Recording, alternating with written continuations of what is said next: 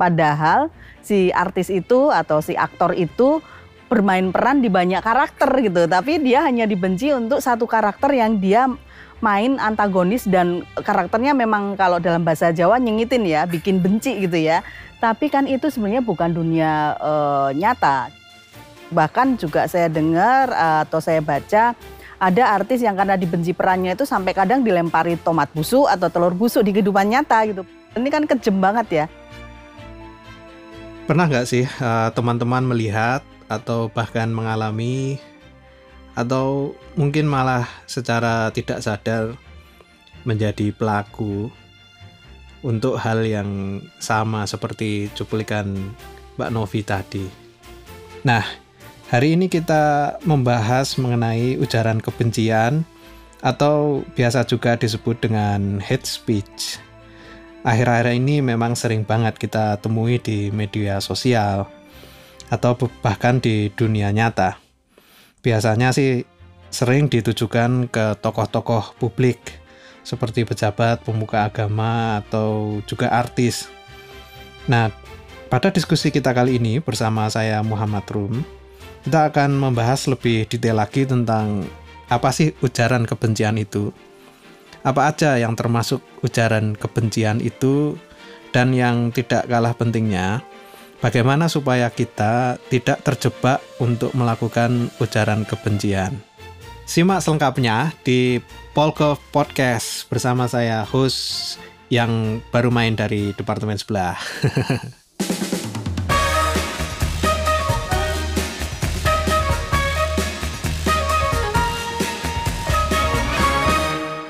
Selamat datang di Polkov Podcast.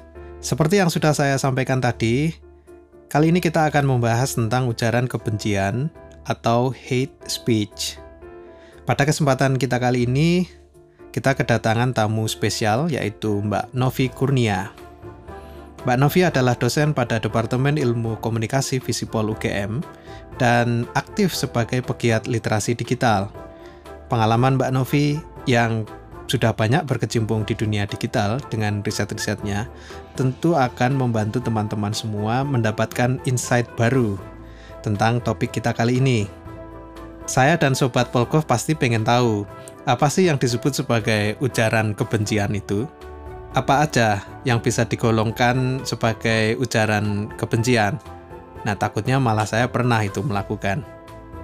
Mari kita dengarkan. Oke, saya kira ujaran kebencian itu pada dasarnya adalah tindakan komunikasi ya yang dilakukan individu atau kelompok untuk menunjuk, menunjukkan ketidaksukaan atas perbedaan ketidaksukaan itu halus ya, tapi sebenarnya kebencian kita jika ada orang atau organisasi atau bahkan kota, negara, bangsa. Jadi ini bukan hanya ditujukan pada orang ya, bisa juga ditujukan pada organisasi, negara, kota, instansi dan macam-macam yang tentu saja dianggap berbeda. Nah, menjelek-jelekan mungkin bahasa kasa, bahasa sederhananya dalam konteks ketika kita mereview gitu, misalnya mereview produk gitu, biasanya produk itu kan ada nama brandnya atau ada nama sellernya gitu ya. Uh, sellernya bisa individual, bisa perusahaan misalnya.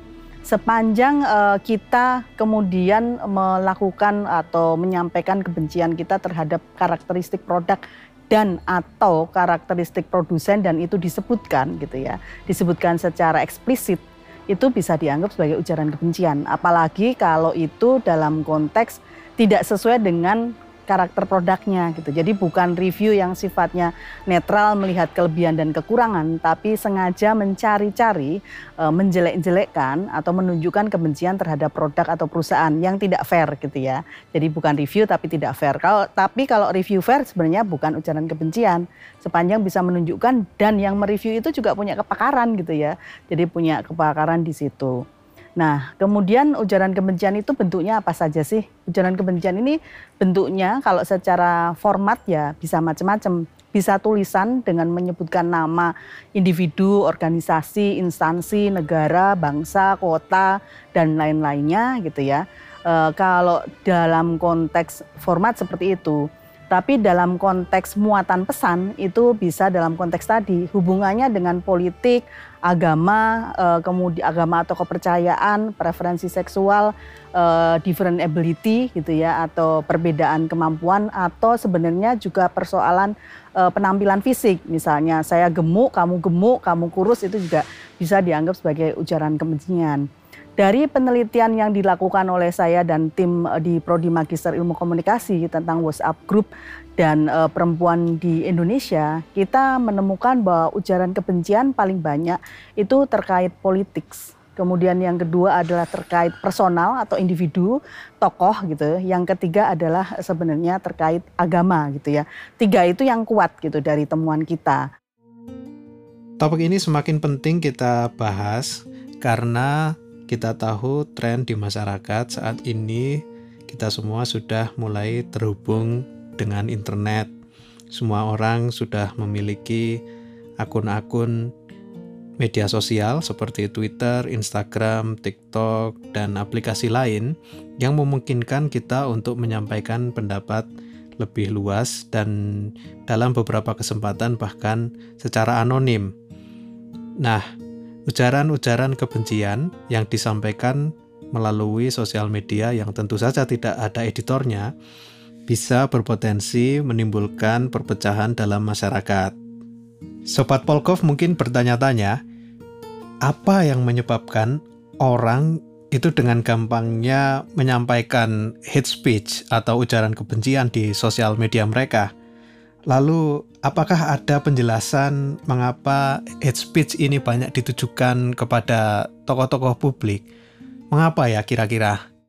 Karena memang e, media sosial itu memungkinkan kita untuk menulis apa pun, mengupload video atau foto apa pun sehingga seolah-olah kebebasan ada di sana gitu. Nah, padahal uh, yang namanya ujaran kebencian ya, kebencian kok diujar gitu ya. Uh, kalau istilahnya secara kasar itu adalah salah satu bentuk dari konten yang negatif bukan konten yang baik gitu. Jadi tentu saja ujaran kebencian ini akan menimbulkan dampak tidak hanya untuk individu atau kelompok atau organisasi yang tidak mengenakan. Karena apa? E, masa iya sih kita e, dibenci tapi bisa dibaca oleh publik gitu ya. Makanya tadi Mas Rum bilang sasarannya bisa macam-macam. Bisa pejabat, bahkan sampai hingga presiden dan itu di negara mana pun gitu ya. Kemudian e, politisi, kemudian selebriti gitu ya atau artis dan juga kadang juga orang biasa. Nah, kenapa bisa muncul seperti itu? Karena tadi media sosial memungkinkan orang untuk e, mengutarakan kebebasan untuk berekspresi, tapi ini bukan ekspresi yang baik gitu. Dan media sosial juga sebenarnya memungkinkan menciptakan ruang-ruang gema di mana pengguna media sosial menganggap apa yang dilakukan di media sosial dengan postingan yang mengandung ujaran kebencian itu biasa-biasa aja gitu. Padahal sebenarnya itu persoalan gitu. Jadi itu yang yang menyebabkan dan mungkin e, begini ya sering kali secara tidak sadar kita menjadi apa mengekspresikan ketidaksukaan kita secara eksplisit. Lupa bahwa menggunakan media sosial itu juga ada etiketnya. Sebagai warga net kita juga harusnya mematuhi atau dalam konteks menghargai netiket, membayangkan orang lain juga menjadi kita. Kalau kita e, diberi ujaran kebencian, apa ya kita mau? Masa kita melemparkan ujaran kebencian ke orang lain?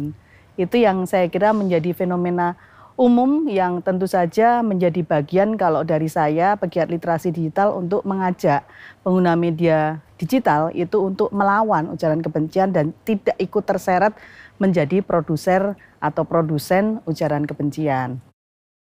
Dari penjelasan Mbak Novi saya jadi teringat satu peristiwa. Jadi ada satu artis yang memerankan perannya antagonisnya dengan sangat baik di layar kaca. Tetapi tidak dinyana mendapatkan banyak dalam tanda kutip ujaran kebencian dari netizen ya di akun personalnya. Ini nampaknya juga tidak hanya terjadi di Indonesia, tapi menjadi satu fenomena yang luas. Orang tidak lagi bisa membedakan mana yang maya dan mana yang nyata. Dan hal ini nampaknya diperparah juga dengan kebiasaan melakukan ujaran kebencian itu. Ini satu dampak yang semestinya bisa kita hindari sih. Nah, itu tadi dampak yang bisa dirasakan secara personal ya. Tetapi ujaran kebencian ini bisa menyebabkan dampak yang lebih luas lagi dalam masyarakat.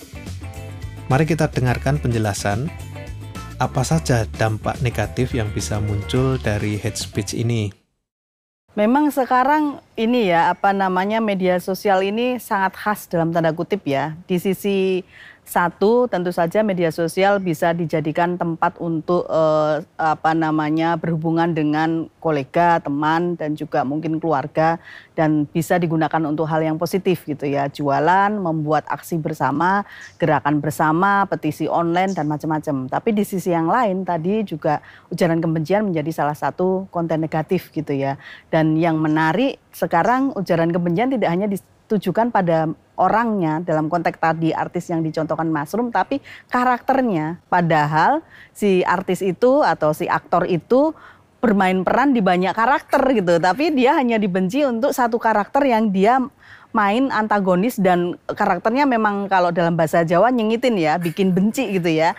Tapi kan itu sebenarnya bukan dunia e, nyata. Nah, itu memang dampak yang paling terlihat pertama kalau yang diserang uh, ujaran kebencian ini adalah individu, adalah individu yang bersangkutan.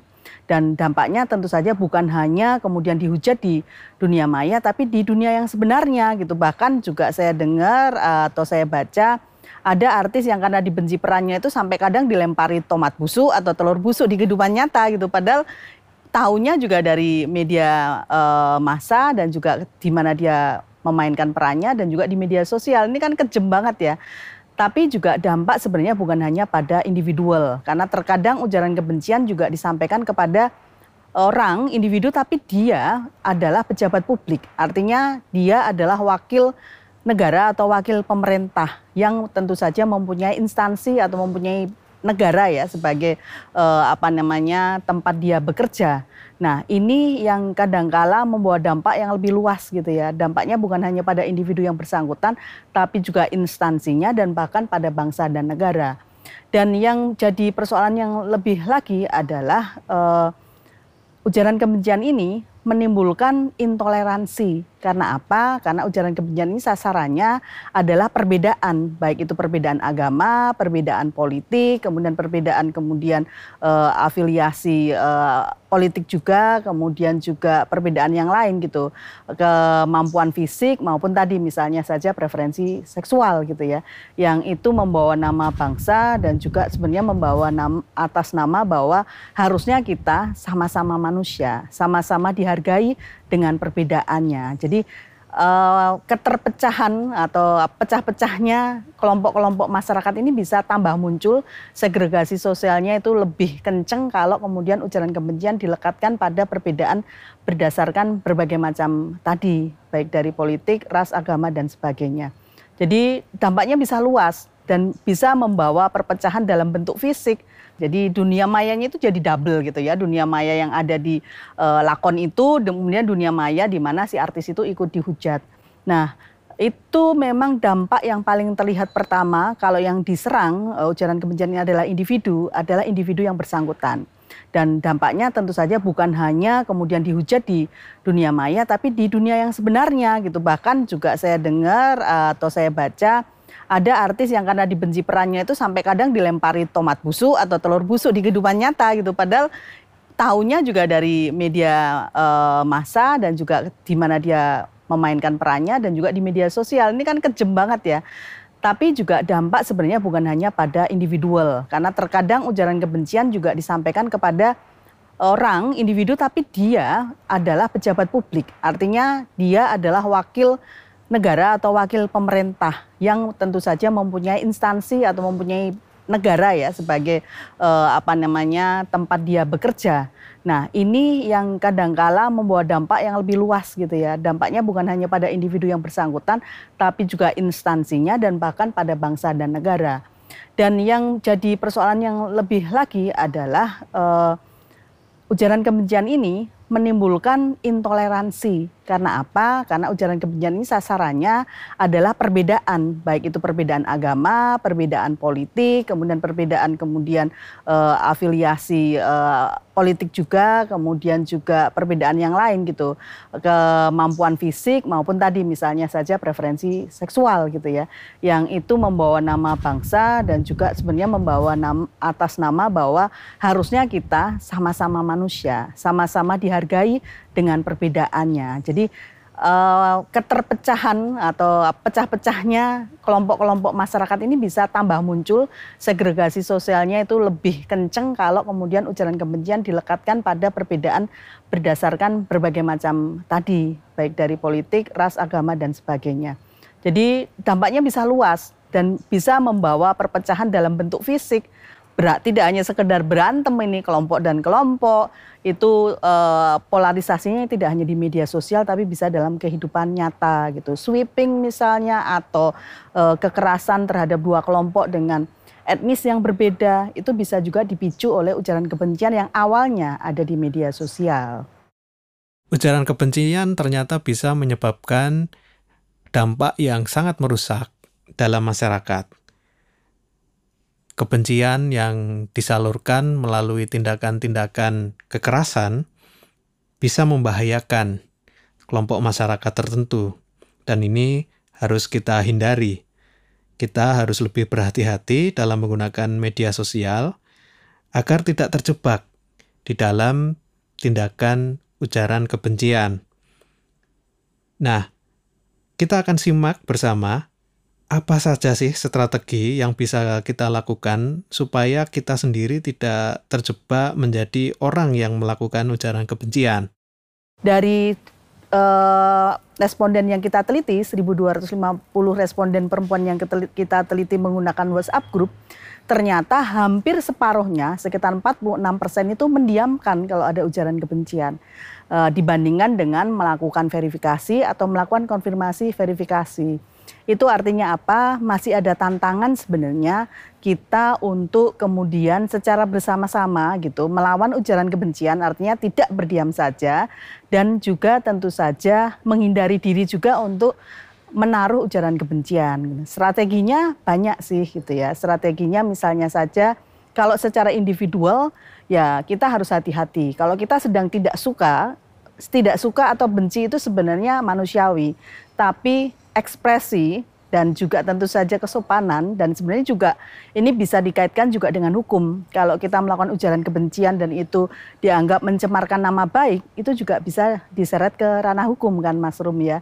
Jadi strategi individunya harus kita mulai dari diri sendiri tentu saja. Kita ngerem kalau marah ya jangan nyata lah apalagi nyebut nama, nyebut nama apa pun, individu, organisasi dan yang lain-lain gitu. Kita boleh benci mungkin itu sesaat gitu dan itu manusiawi tapi nggak usah dijadikan media sosial ini sebagai tempat sampah marah-marah kita gitu ya.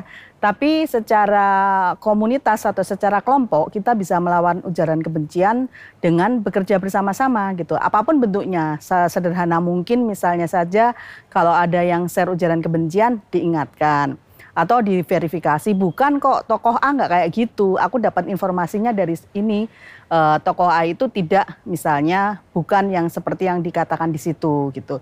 Nah, itu bisa bersama-sama dilakukan dengan berbagai macam cara dari yang sederhana gitu, komentar bareng-bareng atau mendiskusikan atau melakukan berbagai macam program-program literasi digital yang sederhana termasuk sekarang ya. Kita kan sebenarnya melakukan uh, talkshow ini juga bagian dari sebenarnya bagaimana kita mengajak masyarakat atau pendengar atau penonton kita nanti untuk bisa menghindari dari ujaran kebencian supaya kita tidak menjadikan media sosial ini tempat sampah untuk konten-konten negatif gitu Mas Rum. Mungkin Sobat Polkov pernah menonton film dokumenter yang judulnya The Social Dilemma. Di sana dijelaskan bahwa penggunaan ujaran kebencian di sosial media yang disebarluaskan tanpa bertanggung jawab dapat memunculkan potensi perpecahan bangsa. Mereka yang terbiasa tidak memverifikasi informasi-informasi yang diterima dari media sosial akan terjebak untuk membenci orang-orang yang berasal dari kalangan lain atau dari kelompok lain. Nah, dari sini kita bisa melihat apakah sebetulnya ujaran kebencian itu sengaja dibuat atau fabricated. Dan apa motivasi dari orang-orang yang membuat ujaran kebencian itu? Dan kira-kira apa ya motivasi dari orang-orang di balik pembuatan ujaran kebencian ini? Saya kira dalam konteks konten negatif sepanjang yang saya pelajari gitu ya dan juga saya amati memang ada yang sifatnya itu individual base, ada yang sifatnya itu kolektif gitu. Dan ada yang sifatnya itu uh, sengaja dalam konteks ikut-ikutan gitu ya atau sengaja dalam konteks memang punya individual reason tapi yang fabricated itu juga muncul gitu. Terutama dalam konteks politik uh, entah itu politik dalam arti politik in general ya hubungannya dengan uh, kekuasaan secara langsung ke pemerintahan maupun politik identitas gitu. Jadi Uh, secara teori dan secara fakta fabricated itu mungkin ujaran kebencian terutama ketika ada proses-proses di mana uh, apa perebutan kekuasaan itu terjadi ya baik itu kekuasaan dalam arti empirik misalnya ada pemilihan pemimpin atau kekuasaan dalam arti wacana. Memenangkan wacana antara kelompok dominan dan kelompok yang terpinggir gitu. Jadi fabricated itu sangat mungkin tapi motivasinya bisa macam-macam. Ada yang motivasinya karena ekonomi, dibayar untuk e, menyebarkan ujaran kebencian terhadap tokoh tertentu yang dibenci oleh tokoh lainnya gitu ya. Ada juga yang e, sifatnya adalah e, persoalan individual saja, benci secara individual dan kemudian e, mendapatkan tempat untuk melemparkan kebenciannya gitu. Jadi bisa motifnya ekonomi, bisa motifnya individual, e, apa namanya, yang dia memang nggak suka aja gitu atau benci aja. Jadi bisa macam-macam. Tapi bahwa itu bisa difabrikasi iya, tapi tidak semua ujaran kebencian itu difabrikasi. Sobat Polkov yang berbahagia, mari kita dengarkan pesan-pesan dari Mbak Novi agar kita bisa bersama melawan ujaran kebencian. Terlebih kita tahu bahwa bangsa Indonesia adalah bangsa yang toleran dan ujaran kebencian bisa mengikis budaya toleransi kita. Saya kira sebenarnya kalau kita ingat uh, karakter bangsa Indonesia ini ya, kalau orang bilang kan bangsa Indonesia ini ramah ya, ramah, kemudian juga uh, empatinya tinggi, suka gotong royong. Nah, kadang-kadang saya bertanya juga pada diri sendiri, ini karakter yang sering didengung-dengungkan itu mana sih gitu.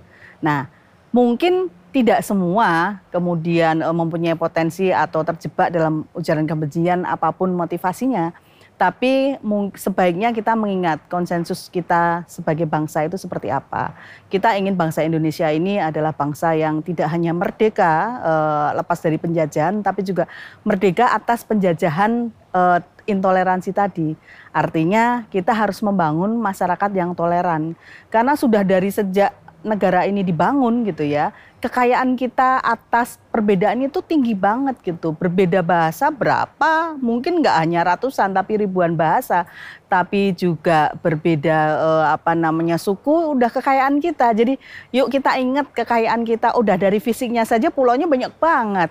Nah, jadi dimulai dari hargai perbedaan. Kalau kita bisa menghargai perbedaan, kita tidak akan dengan mudah melemparkan ujan, ujaran kebencian dan media sosial jadikan tempat yang asik untuk bikin pesan yang baik. Merefleksikan diskusi kita kali ini, mari kita lebih berhati-hati dalam bersikap, baik itu di kehidupan nyata maupun di media sosial. Etiket dan etika harus menjadi landasan dalam berkomunikasi Kedua, jangan ragu untuk mencegah dan melawan ujaran kebencian demi menghargai perbedaan dan menumbuhkan toleransi kebangsaan. Penjelasan dan pengalaman yang diberikan oleh Mbak Novi tadi sungguh sangat bermanfaat. Tagline penting yang bisa kita highlight bersama adalah pupuk toleransi dan lawan ujaran kebencian. Tidak terasa kita telah sampai di penghujung acara. Ingat pesan Mbak Novi ya, Sobat Polkov semua. Jadikan media sosial sebagai tempat yang asik untuk pesan yang baik. Nah, jangan lupa ilmu yang didapat hari ini dibagikan juga kepada orang-orang di sekitar kalian. Tetap terhubung bersama kami lewat Facebook, YouTube, Instagram, dan Twitter at DPP UGM. atau bisa diketik Departemen Politik dan Pemerintahan UGM. Saya Muhammad Rum, signing off.